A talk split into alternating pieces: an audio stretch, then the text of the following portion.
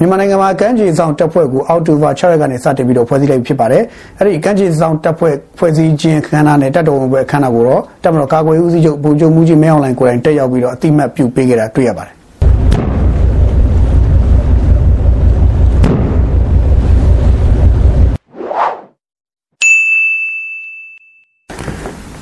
စတင်ဖွဲ့စည်းလိုက်တဲ့ကမ်းခြေဆောင်တပ်ဖွဲ့မြန်မာ Coast Guard ကိုတော့တမတော်ကြီးကဗိုလ်မှူးချုပ်ကိုကိုကျော်ကညွှန်ကြားမှုချုပ်အဆင့်နဲ့တာဝန်ထမ်းဆောင်မှာဖြစ်ပြီးတော့ဒီတာဝန်ဟာလည်းသူ့အတွက်ပထမဆုံးသောညွှန်ကြားမှုချုပ်တာဝန်လည်းဖြစ်ပါတယ်ဗိုလ်မှူးချုပ်ကိုကိုကျော်တာဝန်ထမ်းဆောင်မဲ့မြန်မာ Coast Guard မှာတော့သူ့ရဲ့လက်အောက်မှာစစ်သင်္ဘော၄စင်းနဲ့စစ်သည်အင်အားရာခိုင်နှုန်းရှိမယ်လို့သိရပါတယ်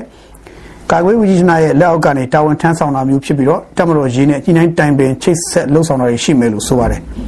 ဒါအပြင် နိုင်ငံတကာကကမ်းခြေဆောင်တပ်ဖွဲ့တွေနဲ့ဓာတ်ရိုက်ဆက်သွယ်လုပ်ငန်းလုပ်ဆောင်တာမျိုးတွေရှိလာမှာဖြစ်တဲ့အပြင်ပင်လယ်ပြင်ကမ်းရိုးတန်းတစ်လျှောက်ကနယ်မြေလုံခြုံရေးနဲ့မြမပိုင်တဲ့ရေပြင်အတွင်းမှာဖြစ်လာနိုင်တဲ့မှုခင်းမျိုးစုံကိုဥဆောင်ကင်တွယ်သွားမဲ့ဌာနမျိုးဖြစ်တယ်လို့သိရပါတယ်။ကမ်းခြေဆောင်တပ်ဖွဲ့တာဝန်ကိုပထမဦးဆုံးသောတာဝန်ထမ်းဆောင်ရမယ့်သူတွေကတော့တမတော်ရေဘက်ကလက်ကျင့်သင်ထားပေးမှုတွေကနေစတင်ပြီးတော့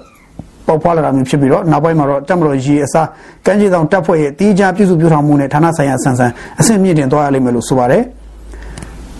လက်ရှိစစ်သင်္ဘောလေးစင်းဟာလည်းတက်မတော်ကြီးမှာနှစ်ပေါင်း20နဲ့30ကြားမှာအတွေ့အကြုံရှိထားတဲ့စစ်သင်္ဘောတွေဖြစ်ပြီးတော့နောက်ပိုင်းမှာတော့ပိုကောင်းတဲ့စစ်သင်္ဘောတွေနဲ့စားထိုးလာမယ်လို့လည်းသိရပါတယ်ဒီအတွက်လည်းတက်မတော်ကြီးနဲ့ပေါင်းစပ်ညှိနှိုင်းလို့ဆောင်မှုတွေအများအပြားဆက်လက်ရှိနေဦးမယ်လို့ဆိုပါတယ်ကမ်းခြေဆောင်တပ်ဖွဲ့စတင်ဖွဲ့စည်းခြင်းနဲ့တပ်တော်ဝင်ခြင်းအခမ်းအနားကိုတော့တပ်မတော်ကာကွယ်ရေးဦးစီးချုပ်ကိုယ်တိုင်တက်ရောက်ပေးတဲ့အတွက်တပ်မတော်ကြီးရဲ့စစ်သင်္ဘောတွေကအစဉ်လာအတိုင်းချီတက်မောင်းနှင်အလေးပြုမှုတွေလုပ်ခဲ့ကြပါတယ်ကွန်ပျူတာဖွဲ့ကချီတက်အလေးပြုမှုလုပ်ခဲ့သလို တက်တန်းရင်စစ်သင်္ဘောကြီးဖြစ်ကြတဲ့ရှန်တိုင်းအောင်နဲ့ရန်ကြီးအောင်တို့ကအမြောက်21ချက်ပြစ်ဖောက်ပြီးတော့ဂုံပြူခဲ့ကြပါတယ်။ဒါအပြင်တက်မတော်လေဘက်ကလည်းတေယူပို့ဆောင်ရေးရဟရင်3စင်းတေယူပို့ဆောင်ရေးလေရင်တစ်စင်းရေချောင်းကင်းထောက်လေရင်2စင်းနဲ့ GF17 တိုက်ခိုက်ရေးလေရင်3စင်းရပြန်ချီတဲ့ပြီးရေးပြခဲ့တယ်တွေ့ရပါတယ်။အဲ့ဒီပြန်တမ်းမှုမှာတော့ GF17 ရဲ့ပြန်တမ်းမှုဟာအရန်ကိုဗီဒီယိုကင်မရာနဲ့မှတ်တမ်းတင်ရခက်ခဲလောက်အောင်စက္ကန့်ပိုင်းတွင်မြင်လိုက်ရလောက်အောင် မြန်ဆန်တဲ့ပြန်သားမှုကိုမြင်တွေ့လိုက်ရပါတယ်အထူးသဖြင့်အတန်နဲ့ဖြတ်သန်းပြန်သားမှုတွေကအရင်မြန်ဆန်နေတာကိုတော့စိတ်ဝင်စားဖွယ်ကောင်းစွာတွေ့လိုက်ရပါတယ်